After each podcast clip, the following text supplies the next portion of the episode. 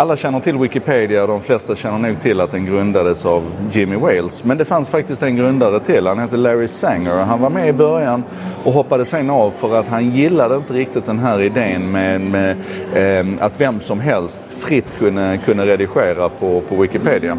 Så han startade igång ett nytt projekt som heter Citizenpedia och det har väl gått sådär kan man säga. Nu är han däremot eh, nyansluten som, eh, som en av toppcheferna på ett annat projekt som heter Everypedia. Och Everypedia har ungefär samma intention som gamla Citizenpedia, att man ska ha större kontroll över de som redigerar där och avsikten är att, att minimera fel och skapa en, en trovärdigare encyklopedi. Och det nya nu då med eh, Everypedia det är att man ansluter till blockkedjan. Man ska alltså i princip införa ett slags eh, poängsystem för de som redigerar där man kan tjäna poäng för goda redigeringar och förlora poäng för det som då anses vara dåliga redigeringar. Och de här poängen ska sen i princip kunna användas som en, en valuta är det tänkt. Det finns en, en hög och stor plan där. Men jag är skeptisk. Så jag tar istället tillfället i akt här och pratar om varför jag är så fascinerad av Wikipedia och varför jag älskar den tjänsten som jag gör. Um, för det första kan vi konstatera att Wikipedia är ju gigantisk. Den har ju tagit över ifrån alla andra encyklopedier. Uh, den ligger etta i kategorin. Det är till och med så att den är någonstans mellan den sjätte och tionde största sajten i världen, vilket ju är gigantiskt. Det folk inte riktigt förstår det är hur tusan Wikipedia kan fungera. För det gör den faktiskt. När Svenska Dagbladet jämförde den svenskspråkiga versionen av Wikipedia med nationalencyklopedin så var det fler fel i nationalencyklopedin än vad det var i Wikipedia. Um, när Nature gjorde samma sak med den engelskspråkiga versionen och jämförde med Encyclopedia Britannica så, så vann den engelskspråkiga versionen. Alltså så här, det funkar. Och varför funkar det då? Ja, det finns några skäl till det. Det ena det är läs boken Wisdom of Crowds. Ju mer människor vi kastar på ett informationsproblem ju bättre blir lösningen. Så att det faktum att man har, jag tror 32 miljoner människor som är inne och redigerar åtminstone någon gång, 140 000 den senaste månaden på engelskspråkiga Wikipedia bara. Det är en stor del av förklaringen till att det fungerar, alltså mycket folk.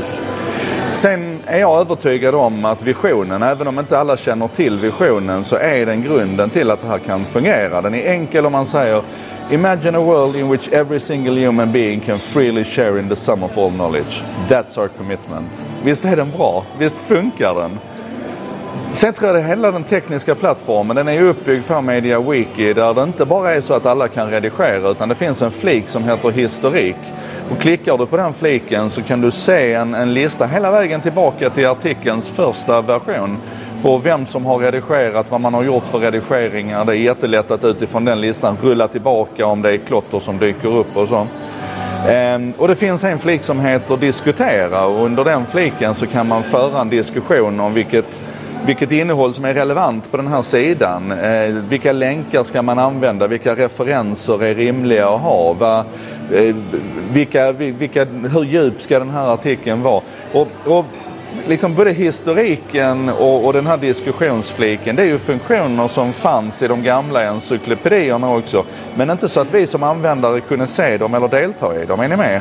Det, det satt ett gäng gubbar och gummor inlåsta i ett hemligt rum någonstans och förde diskussioner om vad den här artikeln om, om Stefan Löfven skulle innehålla. Och vi hade ingen koll på det överhuvudtaget.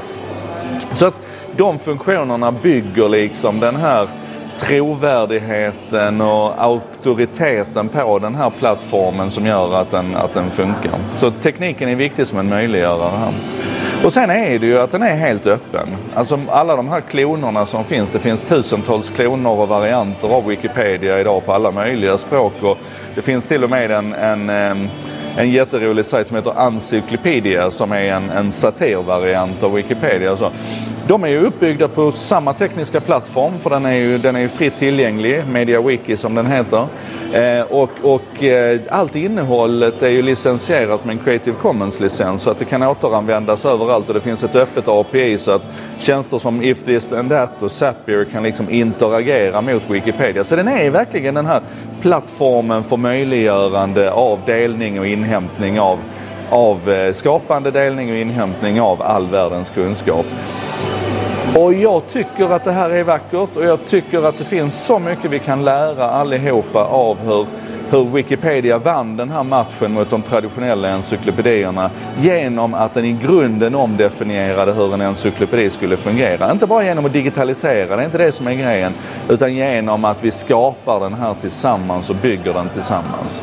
Så, Även om jag tycker det är jättekul att det nu utforskas en massa olika varianter här på hur man kan expandera Wikipedia-konceptet och hur vi kan bygga en ännu modernare och bättre encyklopedi. Så hoppas jag någonstans ändå att Wikipedia ska fortsätta och vara den platsen där vi faktiskt samlar all världens kunskap. Visst är det lite häftigt?